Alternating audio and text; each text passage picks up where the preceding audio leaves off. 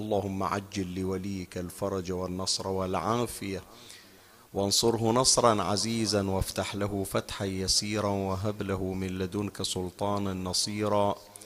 رب اشرح لي صدري ويسر لي أمري واحلل عقدة من لساني يفقه قولي. يا كاشف الكرب عن وجه أخيه الحسين اكشف كربي بجاه أخيك الحسين. نادي عليا مظهر العجائب تجده عونا لك في النوائب. كل هم وغم سينجلي بولايتك يا علي.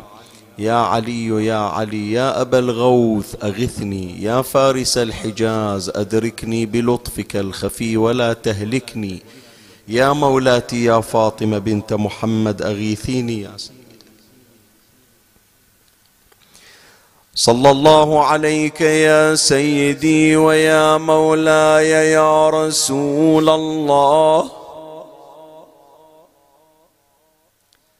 صلى الله عليك وعلى آلك الطاهرين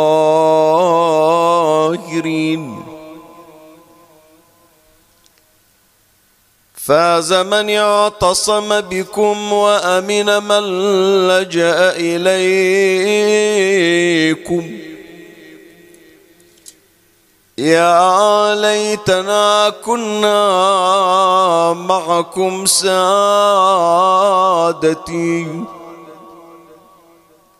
فنفوز فوزا عظيما. بسم الله الرحمن الرحيم. اللهم صل على محمد وآل محمد وعجل فرجهم. صل اللهم على الدليل إليك في الليل الأليال والماسك من أسبابك بحبل الشرف الأطول والناصع الحسب في ذروة الكاهل الأعبال والثابت القدم على زحاليفها في الزمن الأول وعلى آله الأخيار المصطفين الأبرار صلوات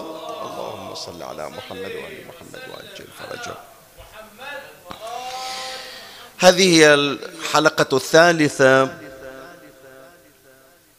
من السلسلة المختصة ببيان بعض من مضامين دعاء أمير المؤمنين صلوات الله عليه وهو الدعاء الذي يعقب به في كل صبيحة يوم ويعرف بدعاء الصباح.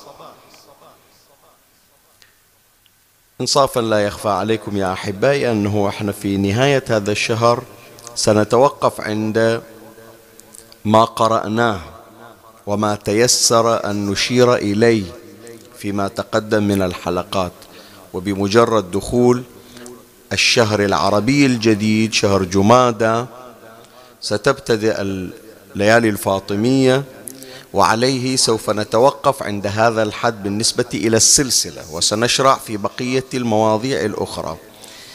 تكملة بحوث هذه السلسلة أو السلسلتين لأنه إحنا كما تعلمون ليلة الخميس نخصصها لبيان مضامين دعاء الصباح وليلة الجمعة نخصصها لبيان مضامين دعاء كميل.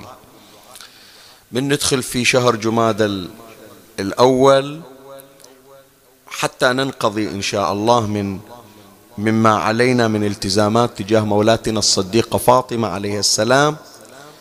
سنحاول أن نغطي بعض المواضيع التي شغلتنا هذه السلسلتان أو هاتان السلسلتان عن توفية حق بقية المواضيع. إن شاء الله إلى أن نعود إلى موسم ثاني. اعتبروا هذا موسم أول نكتفي بمقدار أربع حلقات خمس حلقات. ثم ننتظر الموسم الثاني الذي نأتي فيه على تمام الدعائين. دعاء الصباح ودعاء كميل. فالليله هذه الحلقة الثالثة من دعاء الصباح ليلة غد كما تعلمون إن شاء الله سنقف عند فقرة أخرى من دعاء كميل. ونكتفي بالأسبوع القادم. ثم بعد هذا إذا دخل شهر جماد الأول نبتدئ بتنويع المواضيع. أشكر متابعتكم أشكر تواجدكم معنا على هذه المنصة أشكر التواصل من قبلكم والإطراء بما لا أستحقه. والحمد لله رب العالمين. شجرة هذه المواضيع قد أثمرت وآتت أكلها وابتدأ الكثيرون يتوجهون إلى الأمور الروحية والتربوية والعرفانية في أدعية وموروثات أهل البيت سلام الله عليهم. وهذا من باب الاستنارة بأنوارهم لأننا نقرأ في زيارتهم كلامكم نور وأمركم رشد فإن شاء الله نحن المتنورون والمسترشدون بمحمد وآل محمد صلوات الله عليهم أجمعين. اللهم صل على محمد وآل في هذا المقطع أمير المؤمنين عليه السلام يخصص فقرة لبيان أوصاف رسول الله صلى الله عليه وآله. وهي أوصاف إنصافا تستحق أن نقف عندها ونتأمل في مضامينها. شوف هو الدعاء دعاء الصباح.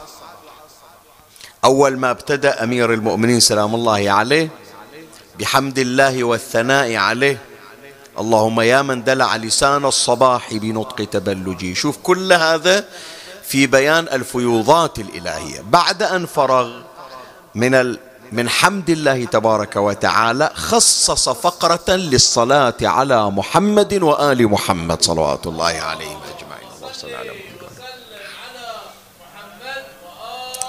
وذكر صفات وذكر نعوتا للنبي صلى الله عليه وسلم. صل اللهم علي صل اللهم على الدليل إليك في شنو؟ في الليل الأليل والماسك من أسبابك بحبل الشرف الأطول. والناصع الحسب في ذروة الكاهل الأعبل. والثابت القدم على زحاليفها في الزمن الأول الأول وعلى آله الأخيار المصطفين الأبرار. هذه الفقرة مخصصنها أمير المؤمنين سلام الله عليه وذاكر فيها أوصاف إلى النبي. إحنا نقرأها كل يوم لكن البعض خصوصا من أولادنا يعني. حتى من اللي ما وفقوا للدخول للمدارس يمر على هذه الكلمات حافظنها من يوم هو صغير حافظنها لكن شنو معناها؟ ما يدري. الثابت القدم على زحاليفها زحاليف شنو؟ الكاهل كاهل شنو؟ أعبل أعبل شنو؟ ذروة شنو ذروة؟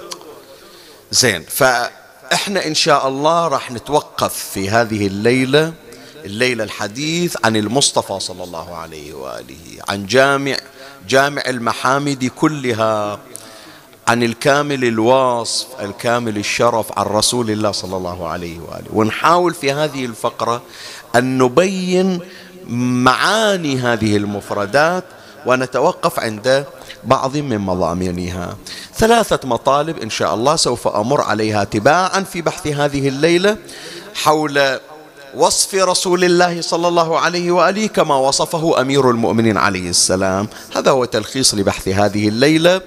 ومن الله أستمد العون والتوفيق ومن مولاي أبي الفضل العباس المدد وألتمس منكم الدعاء يا أحبتي وأسمعوني الصلوات على محمد وآل محمد بأعلى أصواتكم. اللهم صل على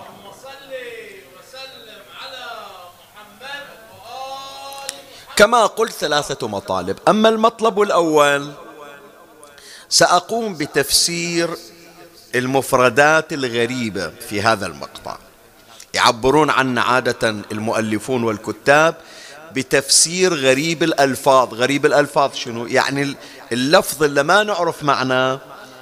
أشرح أبين المراد من عنده. وليش أمير المؤمنين؟ سلام الله عليه اختار هذا اللفظ. شو يريد يقول أمير المؤمنين. فراح أمر عليك إن شاء الله أو سأمر معك في هذا المطلب على مجموعة من هذه الألفاظ. أول لفظ لفظ الأليل. صل اللهم على الدليل إليك في الليل الأليل. زين الليل نعرفه أليل شنو؟ هو إذا ليل بعد أليل غير. غير الليل لو شنو القضية؟ العلماء علماء اللغة يقولون بأن الأليل هو شدة ظلام الليل. شوف الليل يبدي وينتهي من وقت إلى وقت. لكن مو كله في قوة واحدة من حيث السواد. تجي مثلا أول غروب الشمس أول ما تبدي تظلم الدنيا موجود شوية الضوء. تمام لو لا؟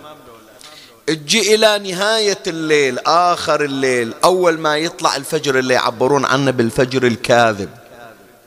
الفجر الكاذب شنو؟ إحنا عندنا فجر كاذب وفجر صادق. الصلاة تصير في الفجر الصادق ما تصير في الفجر الكاذب. الفجر الكاذب شنو؟ الشمس من تريد تطلع بعد قرص الشمس ما يطلع من الأفق. أول شعاع يصعد إلى السماء يجي بشكل عمودي أول شعاع. هذا بعد الشمس بعد ما طالع يسمونه فجر كاذب.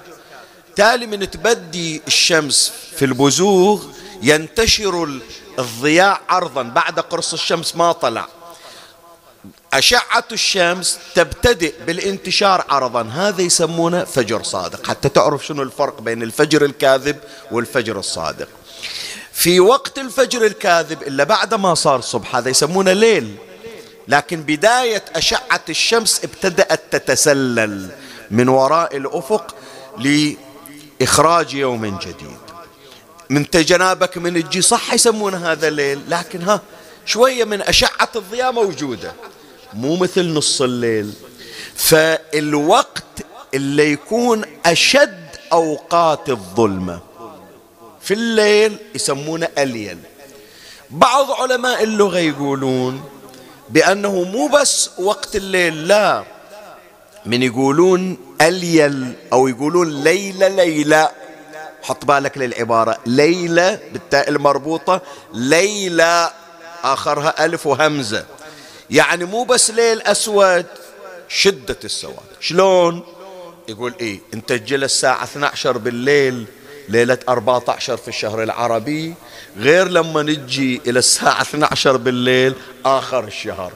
شنو الفرق الساعة 12 أو الساعة 11 بالليل لأن القمر بادر في شوية ضوء. تمام لولا؟ بس لما نجي إلى آخر الشهر ماكو قمر القمر في المحاق. والساعة 11 أو الساعة 12 نص الليل يعني هذا أشد سواد يشهده ليل هذا الشهر. يسمونه في, في اللغة العربية شنو؟ ليل أليل. عرفت من تقول أليل؟ هذه حطوها يا أولادي ويا بناتي عندكم في مخيلاتكم حتى باكر من تقرون. دعاء الصباح تعرفون هذه المفردات. فأمير المؤمنين سلام الله عليه شو يريد يقول يقول أنا من أجي إلى الليل الأليل يعني من أصير في ظلمة حالكة في سواد دامس. اللي يدليني شنو؟ إذا ما عندي ضوء إذا ما عندي قلوبات أستنير بماذا؟ أمير المؤمنين سلام الله عليه يقول دليلك في السواد المظلم نور النبي محمد صلى الله عليه وسلم.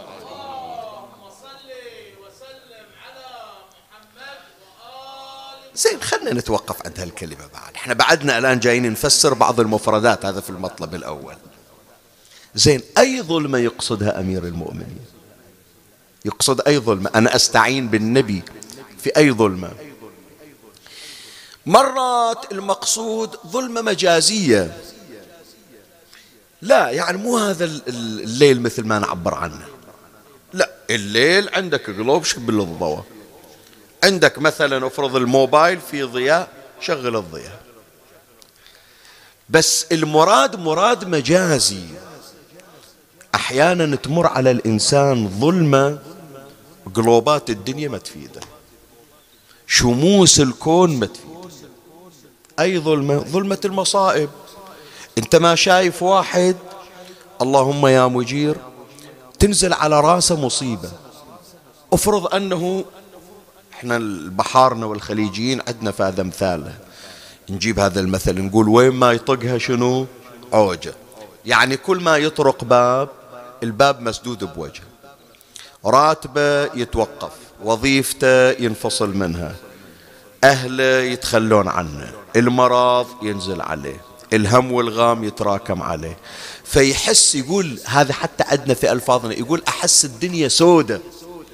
ما هالشكل بعض الأشخاص يقولون يقول شيخنا والله أحس الدنيا سودة. من زود المصايب اللي نزلت على رأسي أحس الدنيا سودة بعيني زين سودة بعينك أشب لك الضوء يقول لا الضوء مشبوه. بس لو تجيب الشمس وتقعدها بالمجلس عندي أنا أشوف الدنيا سودة. الظلمة مو ظلمة كونية. ظلمة المصائب اللي نازلة. بماذا تفرج هذه المصائب؟ جرب الصلاة على محمد وآل محمد. اللهم صل على محمد وآل محمد. أمير المؤمنين عليه السلام يقول صل اللهم. هذه العبارة اللي تقراها وتمر عليها ما ملتفت إلها. كثير من عندنا يجتازها بسرعة. تمام لو لا شوف إحنا كم مرة قارين دعاء الصباح؟ لو تعرف هذا المضمون تتوقف عنده. يمكن لو تخلي كل عبارات دعاء الصباح تشلب بهذه العبارة. أمير المؤمنين يقول لك أكو ظلمة عندك صايرة في قلبك؟ نازلة عليك مصيبة ما أنت عارف تتخلص من عندها؟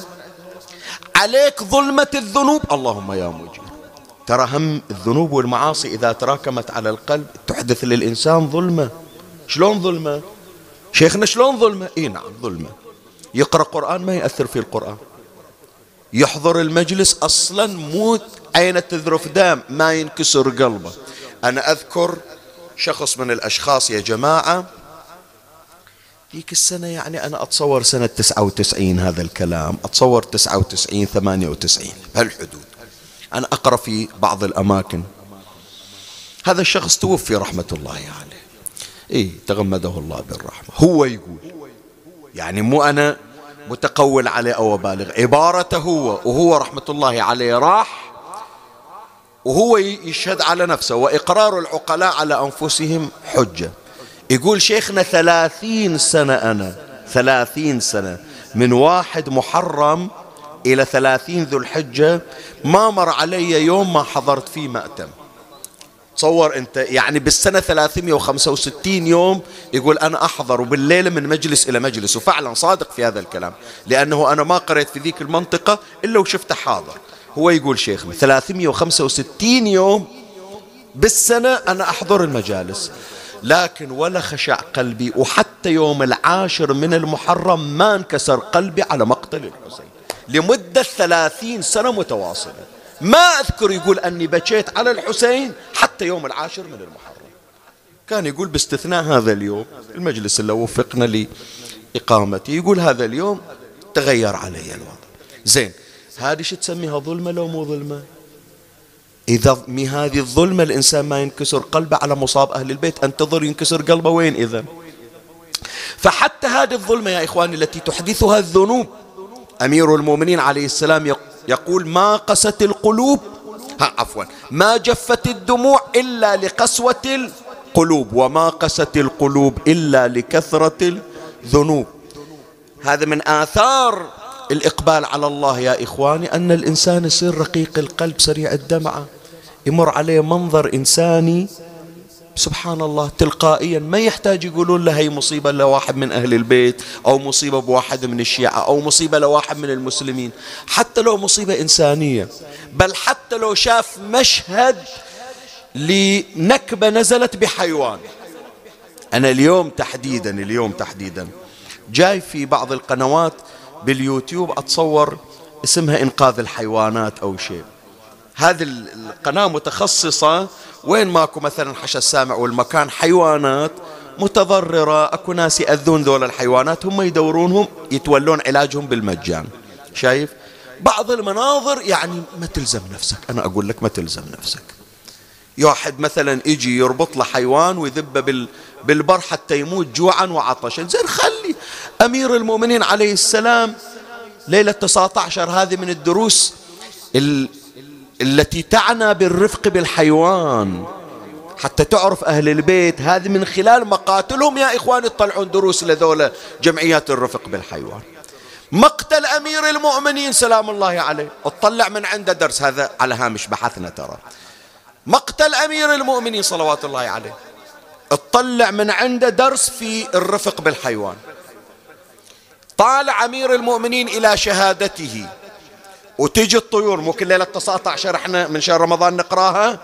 تجي الطيور تتعلق بثياب أمير المؤمنين. وعلي يقول صوائح تتبعها نوائح. من نسوة صوارخ وفي غداة غد يظهر القضاء.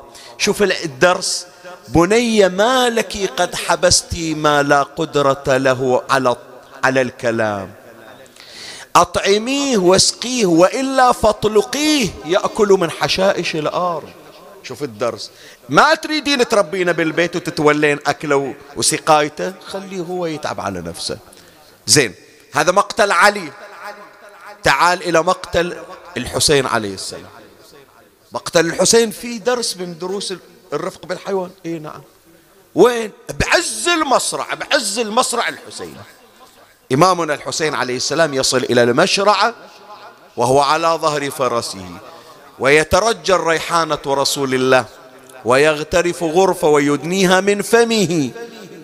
وذيك البهيمة ذاك الحصان على رسله بعد هم يريد يشرب. شوف رحمة الحسين. شوف رحمة الحسين إلى أي حد. يقول له يا جواد أنت عطشان. وأنا عطشان هي نقراها كل سنة يوم العاشر من المحرم. فوالله لا شربت الماء حتى تشرب. البهيمة فهمت كلام الحسين. وأمثال شمر ما فقه ما يقول الحسين. شوف الفرق بين الاثنين. هذه بهيمة لو شربت منه يعتب على بهيمة. لكن هل فرس هذا؟ يعرف منه يصعد على ظهره. رفع رأسه الفرس ولم يرد أن يشرب. تالي الحسين يقول يقول له يا جواد اشرب وأنا أشرب. اشرب وأنا اثنين نشرب بوقت واحد. بهذا التزم الجواد. قال له أبا عبد الله تشرب وأشرب وراك. والحسين يقول له شمر يا شمر اسقني شربة من الماء. قال لا تذوق الماء حتى ترد الحامية فتشرب من حد. شوف فرس بهيمة شلون؟ وشوف واحد مثل شمر شلون؟ هذا درس من دروس الرفق بالحيوان. موضع شاهدنا يا إخواني وين؟ موضع شاهدنا أهل البيت يعلمون التعامل مع الحيوانات حتى نحدث رقة في القلب. هذا أنت كمؤمن كمتدين حتى لو شفت مشهد من هذا القبيل يتأثر قلبك. وهذه علامة بأنه قلبك بعد نابض بالإنسانية بعد ما أثر في العبادة والطاعات. فمولاي الكريم عودا على بدء هذا الشخص الذي يسلب الرحمة ويسلب الرقة ويسلب الدمعة ظلمة لو مو ظلمة؟ هي هذه الظلمة. زين تبديد هذه الظلمة شلون؟ إن أمير المؤمنين يقول رسول الله صلى الله عليه وآله كفيل بأن يبدد هذا الظلام الذي عندك في القلب الذي أحدثته الذنوب وأحدثته القسوة وأحدثته الكراهية وأحدثته الأنانية وصرت تشوف المناظر التي يندى لها الجبين فلا تتأثر. إذا تريد تتخلص نفسك من هذه الظلمة استعن بنبيك محمد صلى الله عليه وآله.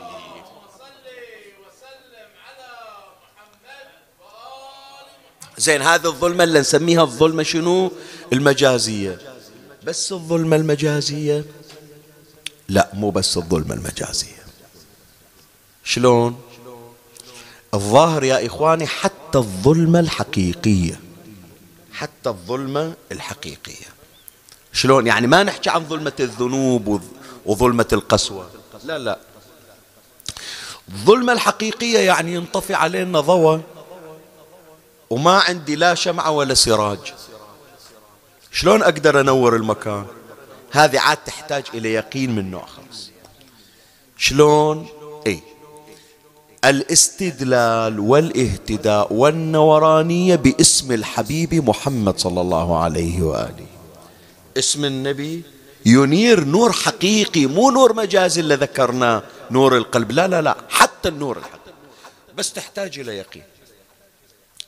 وفعلا أكو بعض القضايا اللي حدثت للأولياء إن شاء الله نوفق. إحنا بعد ترى إذا تتذكرون يا أحبائي ذكرنا سلسلة من ثلاث حلقات عن العرفانيين. نجوم أهل السلوك والعرفان وراح نكملها إن شاء الله في بقية الأيام. بعض الأولياء يا أحبائي يرون النور في غرفهم وفي حجراتهم بمجرد قراءة القرآن. بعض الأشخاص يجون إلى من وراء باب حجرته يشوفون النور يطلع. يقولون من وين هذا النور؟ حتى لو عنده شمعة ما تضوي هالضوء هذا. من وين جابه؟ يفتحون الباب وإذا نايم. لا عنده شمعة ولا عنده سراج. زين شلون طلع النور هو ذكر الله؟ ذكر الله عز وجل. قراءة القرآن.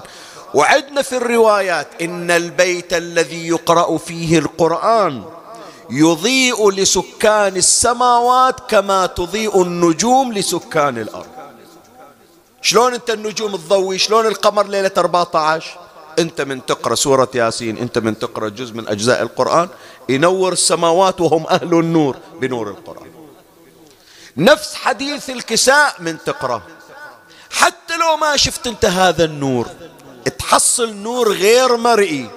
ولهذا يا أحبائي خلي حتى أتجاوز هذا المفردة وأروح إلى غيرها بس هذه كلها استشرافات العبارات. شوفوا إحنا ترى تلقائيا عندنا تعلمناها من أمهاتنا ومن آبائنا. وإحنا تعودنا عليها. شايف إحنا من نقعد في مجلس نسولف كله ضويات كله قلوبات. من تنطفي الكهرباء الناس تلقائيا شو يسوون؟ يصلون على محمد وآل محمد. اللهم صل على تنطفي كهرباء ببيتك. الله يدفع عنا وعنكم السوء والبلاء. ما تشوف إلا صلوا على النبي. إجابت مثلا بيبيتنا جدتنا تريد تدخل إلى الغرفة شافت المكان ظلام تمشي وهي تصلي على النبي. هذا شنو؟ تذكرها وصل اللهم على الدليل إليك في الليل الأليل. فإذا هذا واحد من واحدة من المفردات الأليل بينا معناها. زين. المفرد الثاني أو العفو المفردة الثانية الناصع. صل اللهم على الدليل إليك في الليل الأليل والماسك من أسبابك بحبل الشرف الأطول والناصع الحسبي في ذروة الكاهل العام. الناصع شنو يعني؟ شديد اللمعان يسمونه ناصع. هذه الآن راح أذكرها لأني إلي شغل فيها. عندنا ناصع وعندنا كاهل وعدنا أعبل وعدنا حسب وعدنا ذروة. هذه المفردات حطها في بالك. أريد أشرحها لك أبين معانيها وأبين لك ليش أمير المؤمنين استخدم هالكلمات لوصف رسول الله صلى الله عليه وسلم. أولا الكاهل شنو هو؟ الكاهل علماء اللغة يقولون أعلى الظهر ودون الرقبة. هذا المنطقة جنابك. فوق الشتف من إجي آخر نقطة عليا من الظهر قبل الوصول إلى الرقبة يسمون علماء اللغة شنو؟ الأعبل. عبارة الأعبل مالت الظهر أخذوها خلوها على الشخص الشريف الشخص اللي يعينونه رئيس. عائلة من مئة نفر مئة وخمسين نفر ما يصير كلهم يتكلمون من يحضرون. اختاروا رئيس عليهم. يسمونه عميد العائلة مو تمام؟ هذا عميد العائلة يعبرون عنه في اللغة العربية شنو؟ أعبل. يعني اللي صاير فوق الجسم أعلى الجسم ما يطالعون إصبع الرجل يطالعون أعلى الجسم. أعلى الجسم شنو؟ الأعبل. فمن واحد يجي يمثل عائلته يمثل جماعته يمثل ديرته يمثل ربعه يقولون هذا أعبلنا. زين ليش سموه أعبل؟ أعبل يعني العفو الكاهل. الكاهل يسمونه هذا اللي هو على الظهر. الأعبل شنو؟ الأبيض. ولهذا هي معشوقة عنتر شو اسمها؟ عبلة. هو عنتر بن شداد وذيك عبلة بنت مالك. عبلة شنو؟ هذا الاسم العربي القديم إلا دائما نقول عنتر وعبلة عبلة وعنتر. عبلة شنو يعني؟ هي البيضاء الممتلئة. فأمير المؤمنين سلام الله عليه يصف النبي صلى الله عليه وآله بأنه السيد المميز.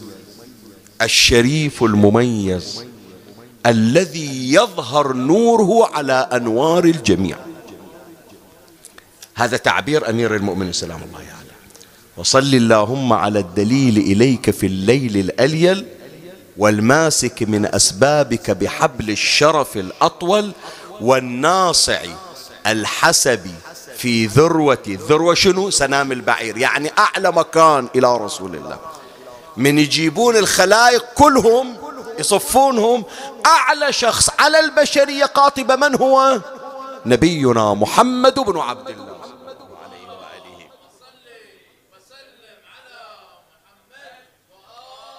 وهذا فعلا ترى يعني أمير المؤمنين ما جاب مجان اعتباط لا. هذا إذا الآن إحنا نقرأ في دعاء وحتى شوف هذه من أسرار دعاء الصباح. أمير المؤمنين ليش بداية الدعاء يعلمنا شلون نصلي على النبي صلى الله عليه وآله بهذه الصلوات؟ وتحضر نفسك لأن ترى محمدا هو فوق الخلق. مو تقول مساوي ويا الخلق لا لا لا لا. هو أعلى. يعبرون عن الجمل أعلى. شوف الجمل شنو؟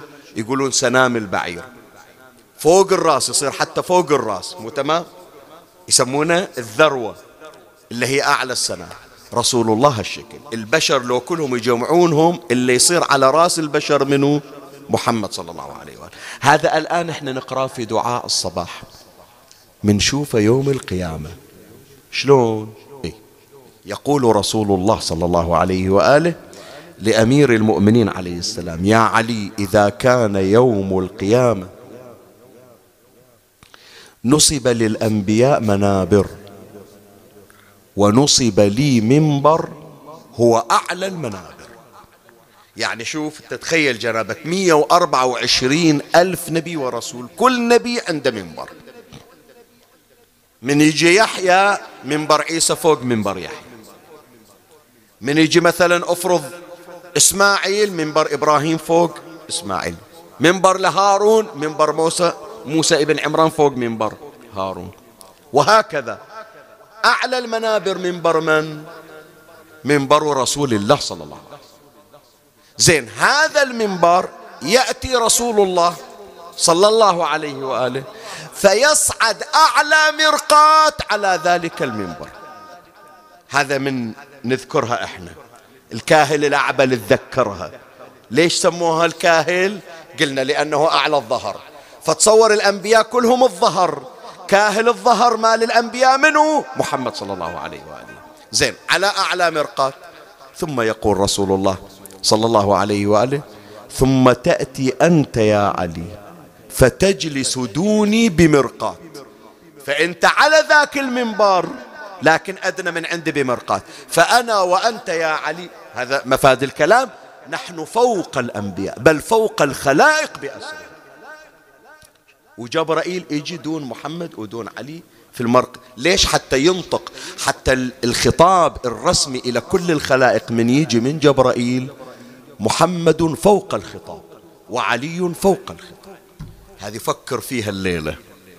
والماسك من أسبابك بحبل الشرف الأطول هذه العبارة والناصع الحسب في ذروة الكاهل الأعبل.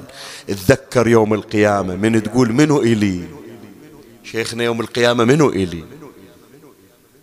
أمي راح تخليني أبوي راح يخليني زوجتي راح تخليني عيالي راح يخلوني ربعي اللي أقعد وياهم راح يخلوني. منو إلي؟ هذا أنا أشوف روحي الآن في المقبرة هذا خلوني ومشوا عني. منو إلي هنا؟ لك محمد نبي الرحمة. كل, المل... كل الأنبياء ينادون نفسي نفسي إلا رسول الله. أمتي أمتي. الجنة فتحت أبوابها لرسول الله والقصور والحور العين في خدمته ومحمد ساجد لربه يبصبص بسبابته إلى السماء. ويأتي النداء من بطنان العرش حبيبي أحمد حبيبي محمد سل تعطى واشفع تشفع فيقول يا رب أمتي أمتي إنما ادخرت شفاعتي لأهل الكبائر من أمتي. فإحنا هذا اللي هو سيد المحشر وسيد الخلائق. بل الكون بأسره ينير بنوره. هذا من الآن أمير المؤمنين يزرع في قلبك من تقرأ دعاء الصباح أن تتوسل إلى الله بصاحب الشفاعة العظمى والمقام المحمود وهو أبو القاسم محمد صلى الله عليه وآله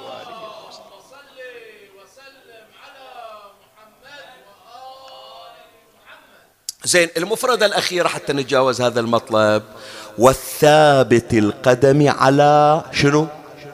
زحاليفها. مو تمام؟ نقرأ في دعاء الصباح. والثابت القدم على زحاليفها في الزمن الأول. بعض الأدعية في طبعات أخرى عفوا نفس الدعاء في طبعات أخرى. أتصور في ضياء الصالحين.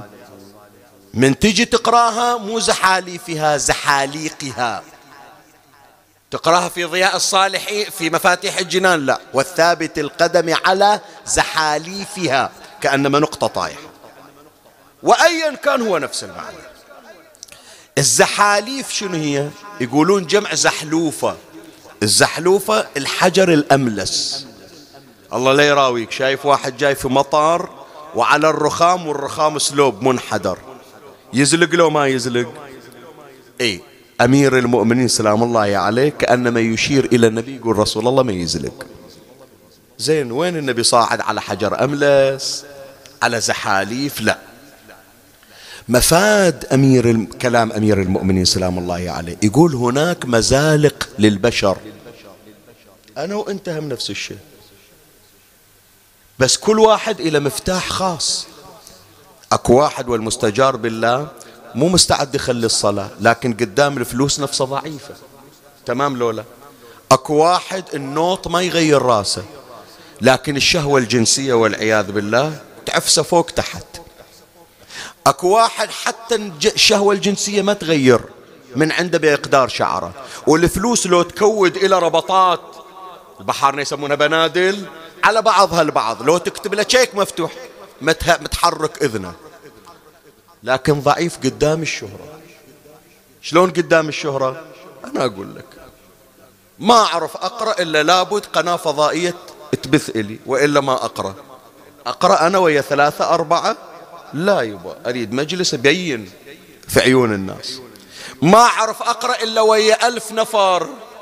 خمسة ستة نفر. عمي سامحوني لين جمعتون لكم مستمع ذيك الساعة راح أجي أقرأ.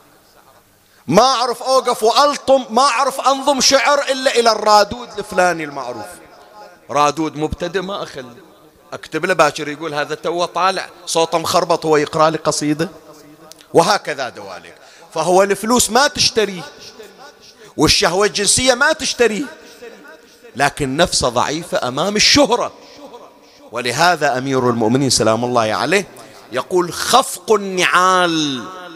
وراء أعقاب الرجال مفسدة لعقول النوكة. نوكة شنو يعني الحمقى؟ هذا اللي عقله ضعيف. بس تشوف اثنين ثلاثة يمشون وراه بودي جارد مسوين إلى حماية. قال بعد ماكو غيري. أنا الخطيب الألمعي. أنا الشاعر المفوى. أنا الرادود المميز. أنا فلان صاحب المجلس.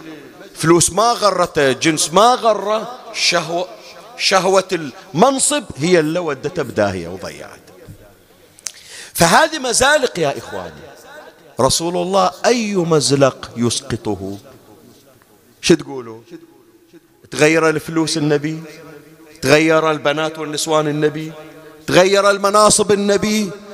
ابدا كل شخص معرض للانزلاق لكن أمير المؤمنين في دعاء الصباح يقول إلا محمد والثابت القدم على زحاليفها في الزمن الأول أو على زحاليفها. وبالفعل. وهذه الكلمة اللي إحنا حافظينها من يوم إحنا أطفال. أعطونا إياها في المدارس وحفظناها من اجى أبو طالب يعرض رسالة المشركين إلى رسول الله صلى الله عليه وسلم. يقول له يا ابن أخي أنا رسول. الجماعة محمليني رسالة. يقولون لي قول لابن أخيك قول له محمد خله يبطل. شنو إسلام شنو دين؟ فكونا من هالسوالف. خلنا على أصنامنا شي يريد هو يريد فلوس. إن أراد جعلناه ملكا علينا. وملأنا له ما بين جبل أبي قبيس جبال أبي قبيس ذهبا وفضة. وزوجناه من أجمل بنات العرب. فالنبي يرد على أبي طالب يقول له يا عم قل لهم الكلمة لا. والله يا عم لو وضعوا الشمس في يمين. شوف شلون حافظينها. والقمر في شمالي. على أن أترك هذا الأمر ما تركته أو يظهره الله أو أهلك دونه. شنو يعني الشمس في يميني والقمر في شمالي؟ الشمس ما تصير في الإيد يا جماعة. بس يقول له يا عم خبرهم ترى هذا اللي تطلبونه مستحيل. أي واحد معرض أنه ينزلق. بس أنا الله مجنبني الانزلاق. شلون؟ والثابت القدم على زحاليفها في الز... يعني من ذاك اليوم اللي الله خلق نور محمد الله سلمه من أن يكون فريسة المغريات. عرفنا مولاي الكريم؟ فهذا المطلب الأول في بحث هذه الليلة بينت لك هذه المفردات اللي نقرأها في دعاء الصباح وشرحت لك معانيها. زين خلنا نيجي الآن للمطلب الثاني. صل اللهم على الدليل إليك في الليل الأليال. شوف شلون كانت العرب قبل رسول الله صلى الله عليه وسلم. يوم عبر عنها أمير المؤمنين عليه السلام بأنها ليل أليل ليل أليل مو بس ليل. ليل أليل يعني شدة ظلام الليل. ترى العرب هالشكل كانوا مو ظلام. لا حتى غيرهم في ظلام. بس إذا الدنيا كلها ظلام ظلام الجاهلية أشد الظلام كان عند الجاهلية التي عاش فيها رسول الله صلى الله عليه وسلم. ليش عبر النبي صلى الله عليه وآله؟ ما أوذي نبي قط كما أوذي. تعال شوف خلي أذكر لك نموذج. نموذج حتى تعرف شلون كانوا العرب. وهذا إلي شغل أنا مو جاي أريد أمشي المجلس بس إلي شغل من وراه سامع جنابك أنت عن حرب يسمونها حرب البسوس لولا إحنا نجيبها حتى في أمثالنا. يقول والله لا أسوي حرب البسوس يهدد يعني. حرب البسوس شنو هي؟ هذه حرب استمرت بين أولاد عم لمدة أربعين سنة. اليوم الحروب اللي تسمع عنها كم تطول يوم يومين أسبوع شهر سنة. أكثر من سنة؟ ما أظن بعد صارت سنة يعني. سنة. إيش هالحرب اللي تست هذه الحرب استمرت أربعين سنة. فنيت فيها الرجال هتكت فيها الأعراض ذبحت فيها الأطفال. أربعين سنة ما بطلوا ناس تموت وأولادهم تكمل. ناس تموت وأولادهم تكمل. زين هذه الحرب اللي تسمع عنها. سببها شنو؟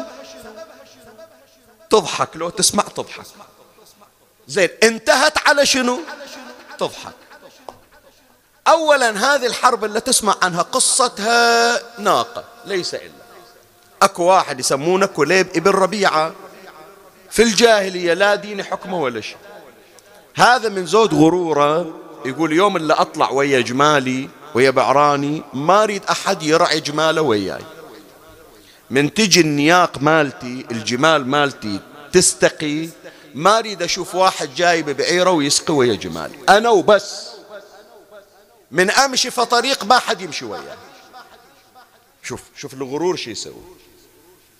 عيال عم أكو واحد يسمونه جساس. جساس ابن مرة هذا ابن عمه. خالته خالة جساس يسمونها البسوس. من تسمع حرب البسوس؟ هذه خالة القاتل. خالة عندها ناقة واحد نازل عندها وعنده نياق وهذه الناقة ترعى ويا البسوس خالة الجساس. هذه ناقة البسوس قصت الحبال مالها العقال وراحت ويا النياق مال كليب إلا من القبيلة الثانية. هو كليب وقف يحسب جماله البعران ماله النياق هذه مالتي هذه مالتي هذه مالتي هذه مالتي وصل إلى ناقة البسوس. هذه ناقة غريبة حط السهم فوقه على ضرعها قتلها. البسوس صرخت. صرخت. ناقتي ناقتي لو عندي أهل ما ذبحوا ناقتي. سمعها ابن أختها جساس راح إلى كليب قتل كليب على شنو حجي؟ على الناقة. زين هذه الناقة زين ناقة بدالها ناقة. لا أربعين سنة. حرب. أربعين سنة. كليب يروح جساس يروح ما أدري من هو يروح. الناس راحت والحرب مستمرة والحرب مستمرة والحرب مستمرة. عقب أربعين سنة تتصور أنت؟ يقولون بأنه هذه الحرب توقفت واحد إجا نقل هذا يقولون بيت الشعر. أبا منذر أفنيت فاستبقي بعضنا حنانيك بعض الشر أهون من بعضي. يقول أنتم بتموتون وإحنا بنموت. خلاص بطلنا. ووقفت الحرب على بعد أربعين سنة. لا تعويض ولا ديات ولا قاسوا خسائر كم؟ وقفت. زين أربعين سنة اللي راحت قال بس خلاص أربعين سنة وافتكينا منها هذا شو تسميه؟ هذا ليل هذا يسمونه أي ليل حجي؟ ليل أليل. إلا أربعين سنة حروب. أطفال تذبح رجال تقتل نساء تهتك. واحد ياخذ عائلة الثاني. شنو والله على ذيك الناقة اللي ذبحوها؟ شنو هذا؟ زين شو اللي بدد هالظلام؟ شو اللي أحدث من بعد هذه الظلمة ضياء شو اللي غير الجاهلية؟ ما قالته سيدتنا فاطمة عليها السلام فأنقذكم الله تبارك وتعالى بأبي محمد.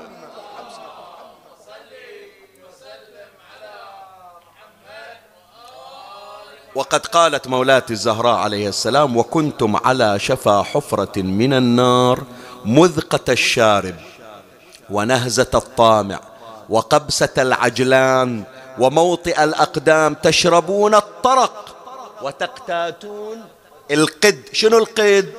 لحم يقصونه ويبسونه ويحطونه في الشمس والظل عليه أربع سنين خمس سنين.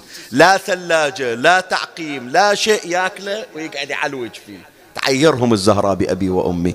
وتقتاتون القد أذلة خاسئين. أخ أذلة خاسئين صاغرين. تخافون أن يتخطفكم الناس من حولكم فأنقذكم الله تبارك وتعالى بمحمد.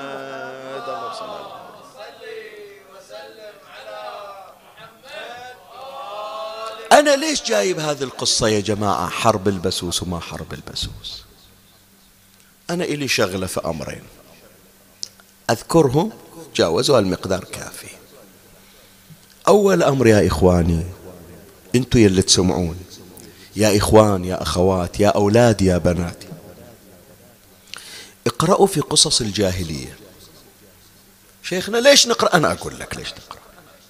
هذه مثل حرب البسوس اللي تسمع عنها. حرب يسمونها حرب داحس والغبراء وغيرها من هذه القضايا. هذه من تقراها. فكر قول الآن إحنا في القرن الواحد والعشرين. عندنا مثل هالسوالف لو راحت. شرفك.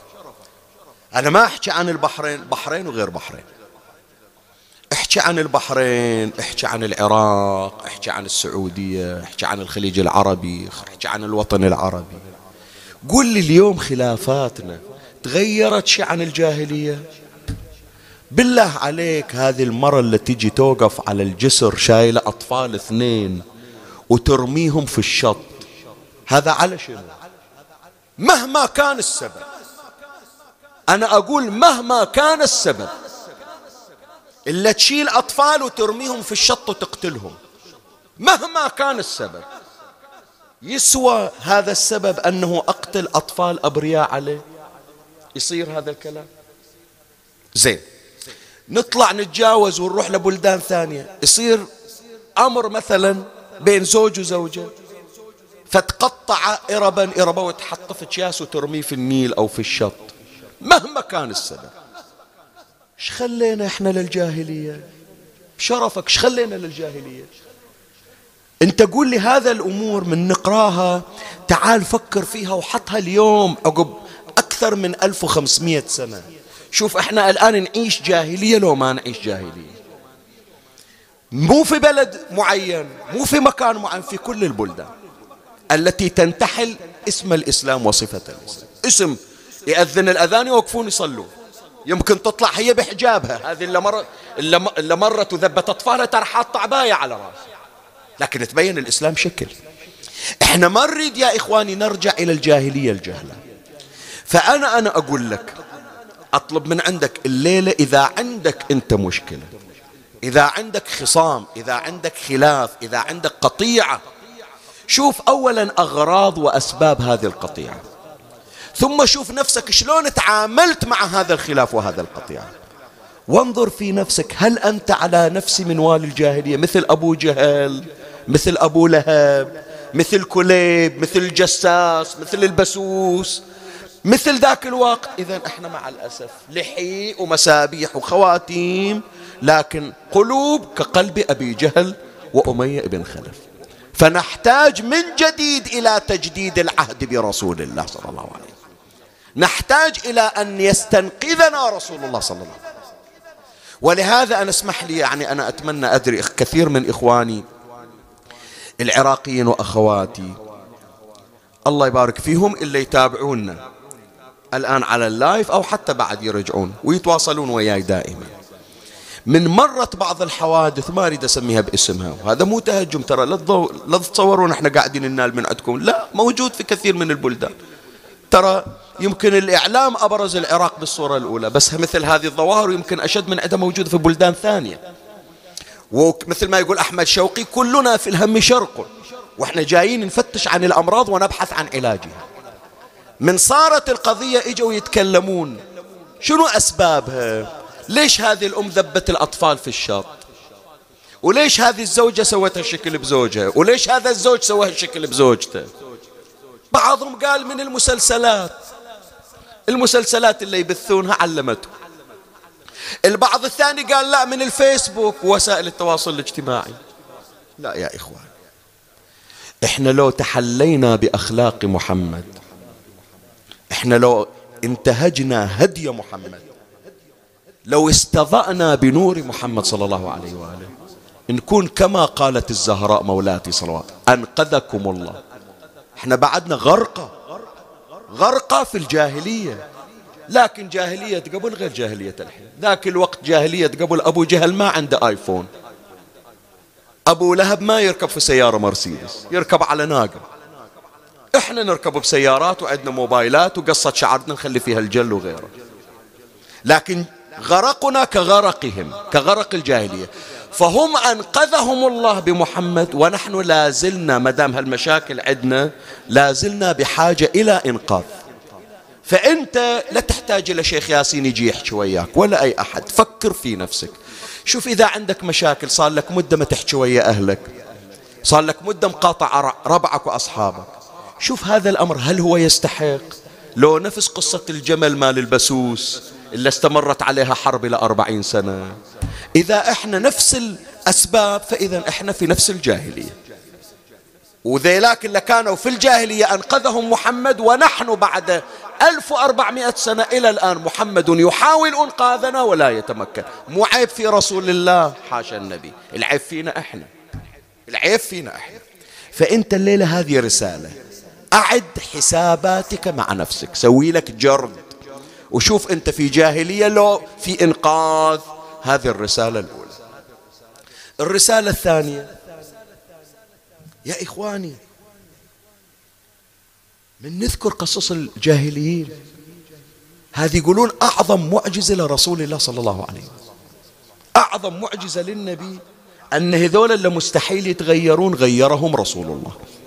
هذه من أعظم معاجز رسول وإلا ذولا يا جماعة شي يغيرهم؟ اللي يجيب بنيته بالثلاث سنين ويربطها ويحفر لها حفرة ويدفنها. هذا شي يغيره؟ إلا أربعين سنة مثل ما مر عليك يذابحون على ناقة هذا شي يغيرهم؟ غيرهم رسول الله صلى الله عليه وسلم. هذه رسالة للتائبين. تسمعون يا بناتي تسمعون يا أخواتي الحكي إلكم. تعرفون أنفسكم من أحكي وياكم سواء اللي تواصلوا وياي بشكل مباشر أو لا اللي يتمنى يتواصل وما يعرف شلون يوصل. هذه رسالة للجميع ولي قبلكم. بعضهم يقول شيخنا ذنوبي شي خلصني من عدها. اذكر هذه الكلمة من شيخ ياسين. مهما كنت عاصيا فإنك لست كمشركي قريش. الذين أنقذهم رسول الله. كم ذنب عليك؟ كم ذنب عليك؟ سؤال أسأل. كم ذنب؟ أنت للآن ما حطيت صنم وسجدت له. أنت للآن ما أخذت طفلة وحفرت لها حفرة ودفنتها أنت إلى الآن ما قتلت وقطعت الرؤوس بدم بارد مهما كانت ذنوبك. ومع ذلك رسول الله صلى الله عليه وآله أشفق وحن على المشركين وأنقذهم. فأنت من تشوف نفسك تقول شيخنا شي يعطيني التوبة؟ منين أجيب التوبة؟ استعن برسول الله صلى الله عليه وسلم. وهنا أذكر لك مسك الختام القضية. حتى تعرف كيف أن رسول الله صلى الله عليه وآله هذه تذكرها. الدليل إليك في الليل الأليل. الليل الأليل في قلبك ترى. الليل الأليل من ذنوبك ومعاصيك. لكن اللي يشع الضياء في قلبك الذي هو مظلم بهذا الليل الأليل هو نور الحبيب المصطفى محمد صلى الله عليه وآله.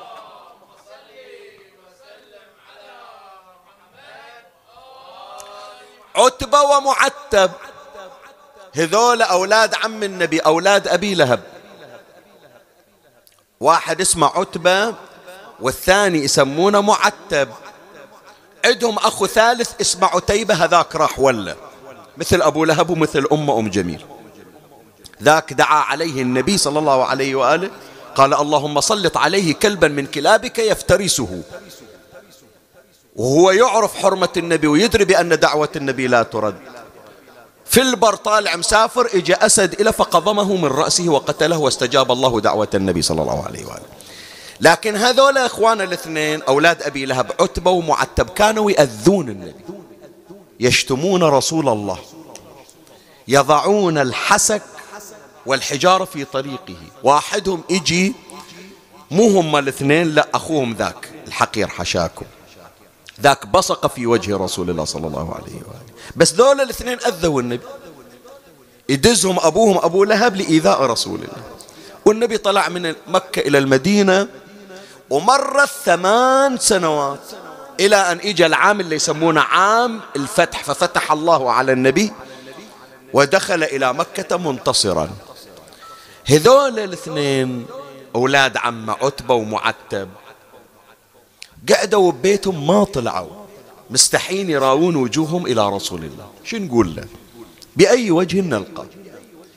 إحنا قصرنا فيه لما كان في مكة نأذيه صلاة ما نخليه يصلي من يجي يصلي عند المسجد الحرام. ما يطلع من باب بيتهم إلا القاذورات والأوساخ على الباب. فإحنا ما لنا وجه نشوفه. خلنا قاعدين ببيتنا وسادين الباب. النبي صلى الله عليه وآله نبي الرحمة. بعد أن كسرت الأصنام والنبي قاعد عند الكعبة. كل واحد يجي يوقف قدام النبي يقول لهم روح اذهبوا فأنتم الطلقاء من دخل دار أبي سفيان فهو آمن. من استجار بالكعبة فهو آمن. زين.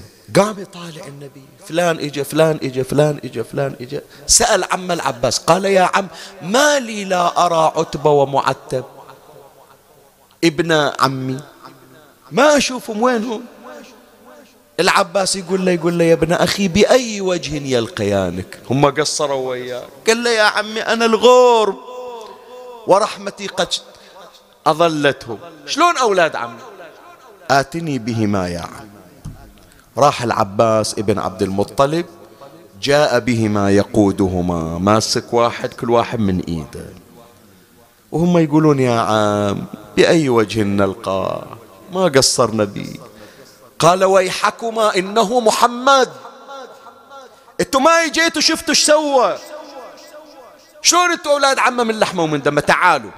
إنه محمد. فأوقفهما بين يدي رسول الله صلى الله عليه وسلم. وهما مطرقان برأسيهما. فلما رآهما النبي أولاد عمه صح أذوا لكن ما تمنى يشوفهم بهالحالة. تصور نفسك وأنت تسمع هالقضية كأنك أنت المذنب واقف بحضرة رسول الله. كأنما أنت اللي محتاج إلى عطف النبي. كأنك تقول له يا رسول الله سودت صحيفة أعمالي بأي وجه ألقاك. أنا اللي ما عندي عمل يبيض وجهي قدامك يا رسول. احسب وقفتي وقفة أولاد عمك عندك فلما رآهما النبي اغرورقت عيناه بالدموع. وقام وأخذهما من يديهما. وجاء يطوف بهما حول الكعبة. تصور المنظر. صور نفسك أنت أيها التائب وقد أخذك رسول الله بيده. بس يكون تصدق في إقبالك على الله وتقدم رسول الله بين يديك. طاف بهما شوطا واحدا حتى إذا وصل إلى جدار الكعبة عند المستجر أخذهما النبي صلى الله عليه وآله وألصقهما بجدار الكعبة. يعني النبي صاير وراهم وهم الاثنين لاصقين بجدار الكعبة والنبي حاط إيدينا على ظهريهما. وقد رفع النبي رأسه إلى السماء وهو يتمتم بكلمات ودموعه قد بللت كريمته الشريفة. شوية تهلل وجه النبي فرحا. وصار يكبر ويقول الله أكبر الله أكبر. ودموعه تصب على خده. والعباس سئل العباس بن عبد المطلب يا رسول الله ما ذاك؟ أشوف وجهك تهلل. قال يا عم استوهبتهما من ربي فوهبهما لي. الله يا نبي الرحمة. قال غيرهم ما جاروا علي؟ أنا أسقط حقي. كان النبي يقول يا رب إذا أنا عزيز عليك إذا غالي عليك أنا أطلب أولاد عمي من عندك. فأنت الليلة وأنت الليلة يا أختي يا أخي يا ابني يا بنتي هب نفسك لرسول الله قل له يا رسول الله هذا الثوب الملوث هذا القلب الأسود أنا بعت نفسي عليك. أنا صرت ملكك يا رسول الله فاستوهبني من الله. كما استوهبت عتبة ومعتب ولدي ابن عم ولدي عمك أبي لهب. أي والله. شوف شلون نبي الرحمة. يقول استوهبتهما من ربي فوه يعني غفر الله لهما. وهذول الأولاد الاثنين اللي كانوا يأذون النبي صارا يدافعان عن رسول الله. وصارا من خلص أصحاب رسول الله. فلا تقول لي شلون أتوب ولا تقول لي المعاصي كثيرة. مهما كانت معاصيك وذنوبك عظيمة فإن حرمة محمد أعظم عند الله. اللهم بجاه نبيك نبي الرحمة محمد. اشملنا بعفوك ومغفرتك. ختاما يا إخواني هالمقدار كافي بعد.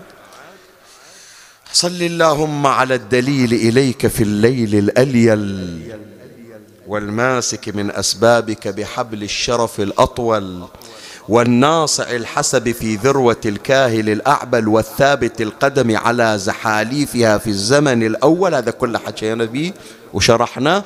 وعلى آله الأخيار المصطفين الأبرار. آل النبي يسمونهم شنو؟ أخيار. أخيار يعني شنو؟ شنو يعني أخيار؟ يعني كثيرو الخير. أهل البيت كثيرو الخير. شنو يعني كثير الخير؟ أنا أقول لك. أولا خيرهم متنوع. عليك دين يقضى به. عندك مرض يشفى به. حاجة متعسرة تيسر به. ما تتصور تقول ما يستوي؟ يستوي عندهم. ويصير عندهم. فخيرهم متنوع. زين. خيرهم إلى وقت ويخلص. شو تقول أنت؟ هذا مو بانك يقول لك خلاص سكرنا. ونزلنا الشتر تعال باكر. أهل البيت ما عندهم شتر ينزل. ولا عندهم باب يغلق. ولا عندهم وقت إجازة وتعطيل. قد فتحت لأصحاب الحوائج أبواب محمد وآل محمد صلى الله عليه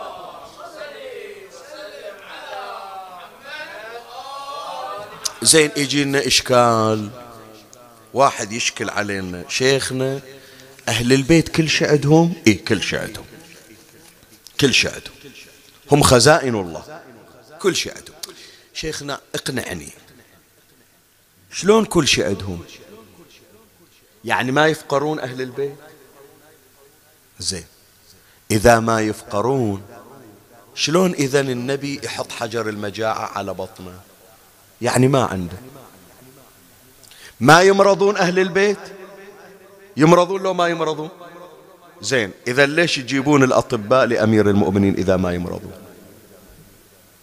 شلون تقول لي أهل الخير الأخيار تسميهم الأخيار يعني أصحاب الخير الكثير وين الخير عليهم؟ هذا ما يمنع يا إخواني.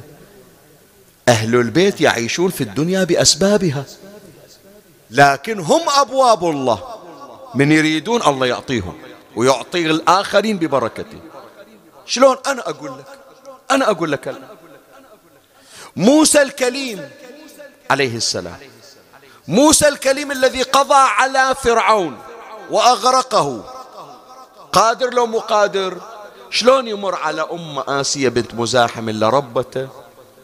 وهي مسمرة في الأرض بمسامير.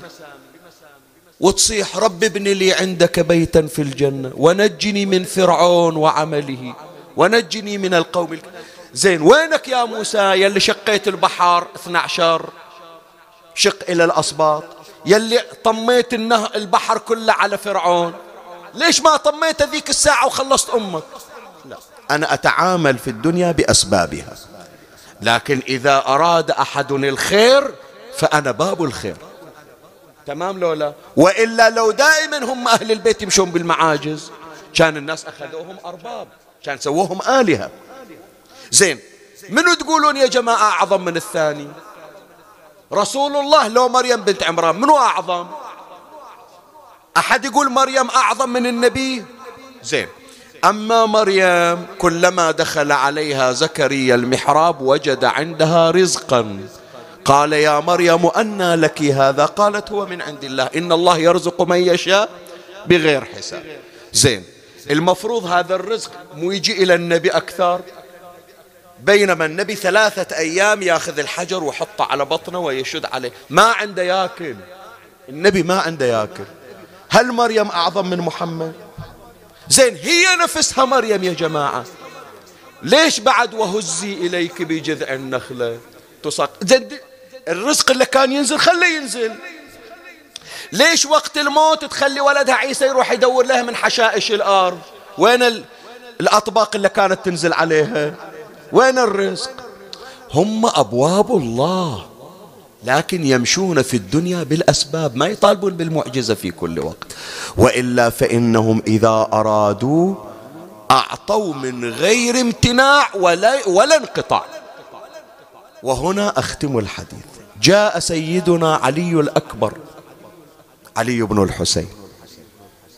سلام الله عليه. إلى أبيه الحسين في مسجد النبي.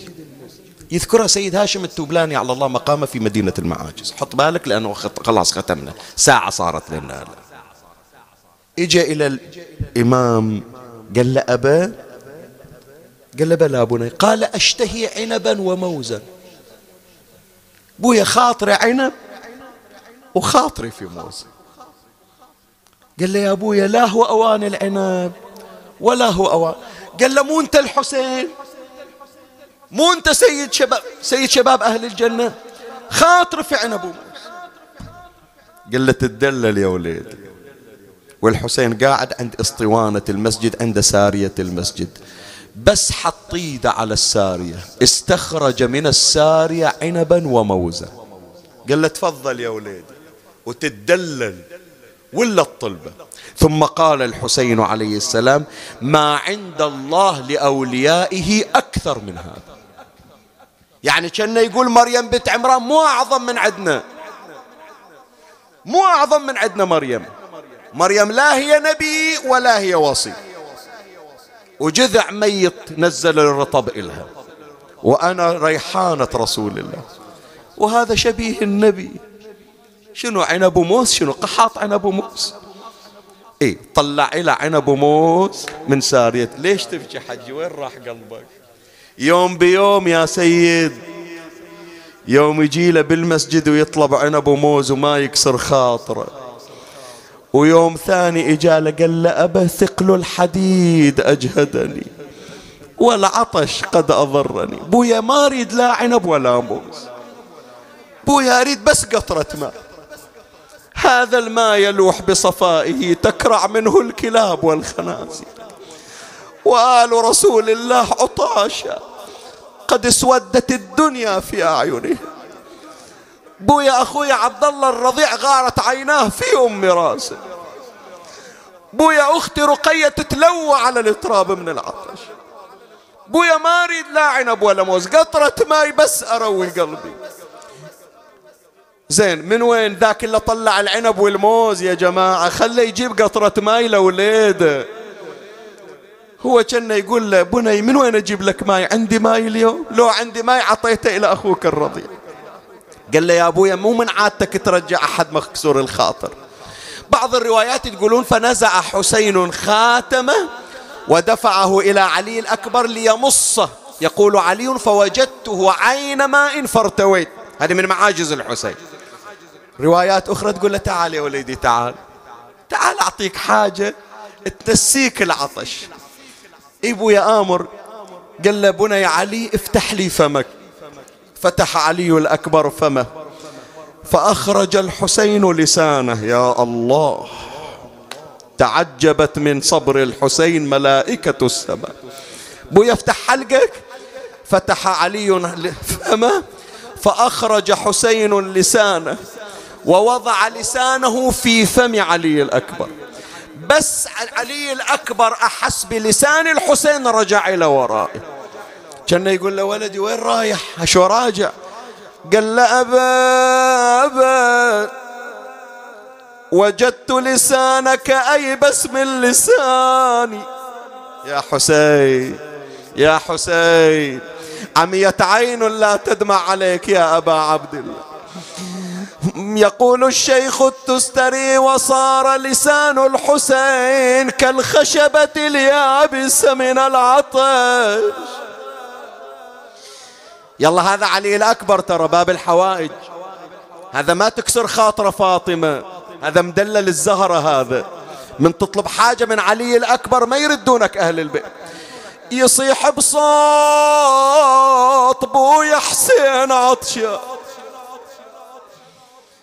يصيح بصوت بويا حسين عطشان وذابت مهجتي من حر الأكوان يا ابويا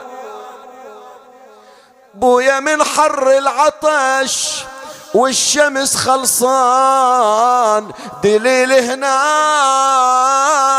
يا بن خير النبي. إذا بكاك علي الأكبر ترى الحسين يبكيك أكثر من علي الأكبر.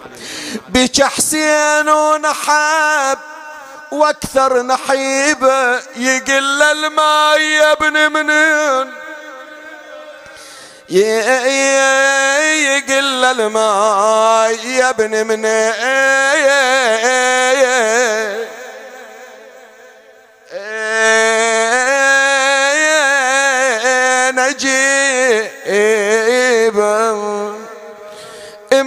اجيبه ترى قلبي مثل قلبك لهيب. بويا انت عطشان وأنا عطشان. ترى قلبي مثل قلبك لهيب. يا ابويا القلب مني صار نصين. وأنا خلي أسمعها من عندك. يا ابويا القلب مني صار هايرني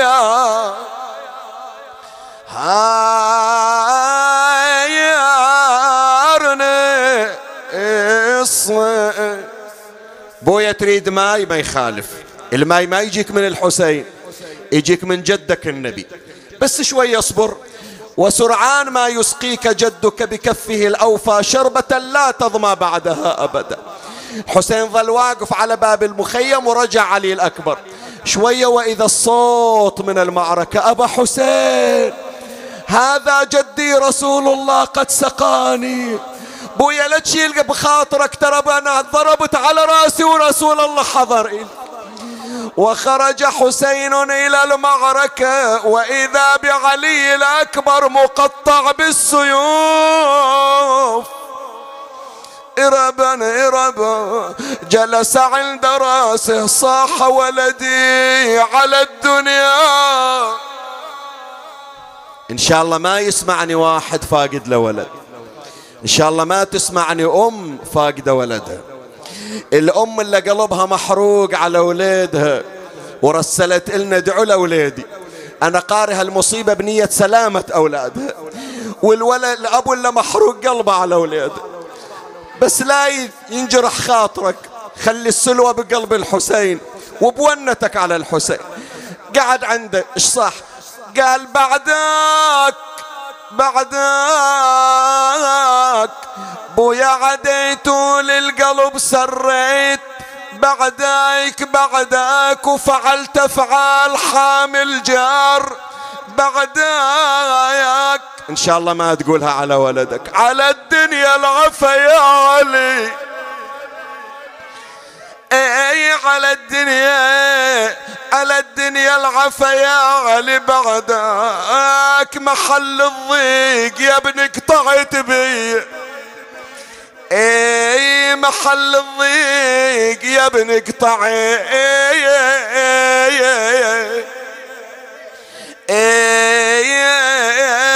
به إن شاء الله ما تشوفون هالمنظر. واللي شاف المنظر الله يجبر بخاطره. اللي يجي إلى ولده على المغتسل شلون يشوفه وشلون يقعد عنده؟ أنا أقول لك قعد عنده وصفق راح. علي راح. علي راح قعد عنده وصفق راح. علي راح شافه والنبي الشابج علي رايح صاحب صوت يا زينب علي. راح راح وأنا الدنيا غدت ظلمة علي. يحكي وياه علي حبيبي علي وليدي تسمع صوتي. بويا جاوبني ولا علي مالت رقبته وفاضت روحه. يريد يشيله شلون يشيله كل ما يشيل جانب طاح جانب. نزع الحسين رداءه ولف الولد بالبردة وشال على صدره وزينب واقفة على باب الخيمة وشافت الحسين جاي شايل الجنازة على صدره. قالت خلي كلنا نطلع نتلقى الشباب. قامت مولاتي زينب تدور على خيم النساء وصلت إلى خيمة الأم. صاحت قومي تلقي ابنك يا ليلة شنو محرم؟ هذا عاشور صار عندنا. دقومي قومي تلقي ابنك يا ليلة يا ليلة يا ليلة شدي جروحه وهالهليلة هالهليلة من الماي ما برد غليلة والله ما برد غليلة صرت عقب عين ذليلة جيبه جيبه أبو علي.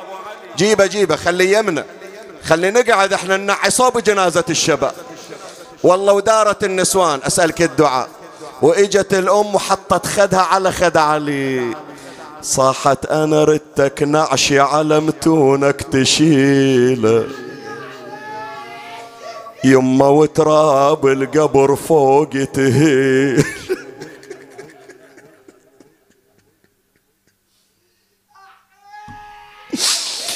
بويا ما أتمنى أجنبي اللي ينزلني بقبري. ما أريد واحد غريب يوقف عند قبري. أريدك أنت يا ابويا اللي تنزل. ما تمنيت أشوف جنازتك. بويا ردتك أنا ردتك نعشي على متونك تشيله وتراب القبر فوق تهيله علي يا علي أمك ترى ظلت ذليله والله الليلة لا احرق قلبك. والله الليلة لا احرق قلبك. لا تقول لي بربيع وجه الصباح علي ليل مظلم وربيع أيامي. الدنيا كلها محرم. تقول له علي قوم شوف هدومك اللي مجهزتنها إلى عرسك. تمنيت أنا اللي ألبسك بيدي. تمنيت سكينة توقف تجلي على راسك. تمنيت أختك فاطمة العليلة هي اللي توقف بالزفة يا وليدي. تقول له يا عقل ثياب عرسك فصلتها. وكان خسرت حسبات قلبي اللي حسبتها. يما وكل الأسف كل الأسف زفت زواجك ما شفتها مثلك ولد يا نور عيني ينوجد ما عندي غيرك يا علي. علي ربيت لك يا ابني وساهرت الليالي. وسميت باسم الله عليك أول. وتالي أمك يا بعد أهلي بقت من غير. بيت الختام وين ما قاعدين. إذا الزهرة صدق عزيزة عليكم الليلة خلي الزهرة تسمعك مو شيخ ياسيني صاحة أنا تمنيت أزفك بالمدينة. أي وتلبسك أختك سكينة أي عسى من كربلاء لا كان جينا يا صفرة القشرة.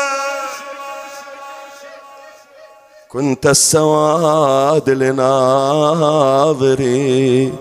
فعليك يبكي الناظر. ذخرتك يا علي الأيام شيبي. يما وتال انقطع منك نصيبي على مصيبتك شقيت. اللهم صل على محمد وآل محمد. أمن يجيب المضطر إذا دعاه ويكشف السوء. أمن يجيب المضطر إذا دعاه ويكشف السوء. أمن يجيب المضطر إذا دعاه ويكشف السوء اللهم تفضل على المكروبين وتفضل على المنكوبين وتفضل على المحتاجين بالفرج العاجل وقضاء الحوائج يا رب العالمين من سألون الدعاء اللهم بلغهم مرادهم وحقق آمالهم وأنجز لهم ما وعدتهم من الفرج على لسان نبيك وآل نبيك. ترحم على أمواتي وأموات الباذلين والسامعين وكل المؤمنين يا رب العالمين. أوصل لهم ثواب هذا المجلس وبلغهم ثواب الفاتحة تسبقها صلوات.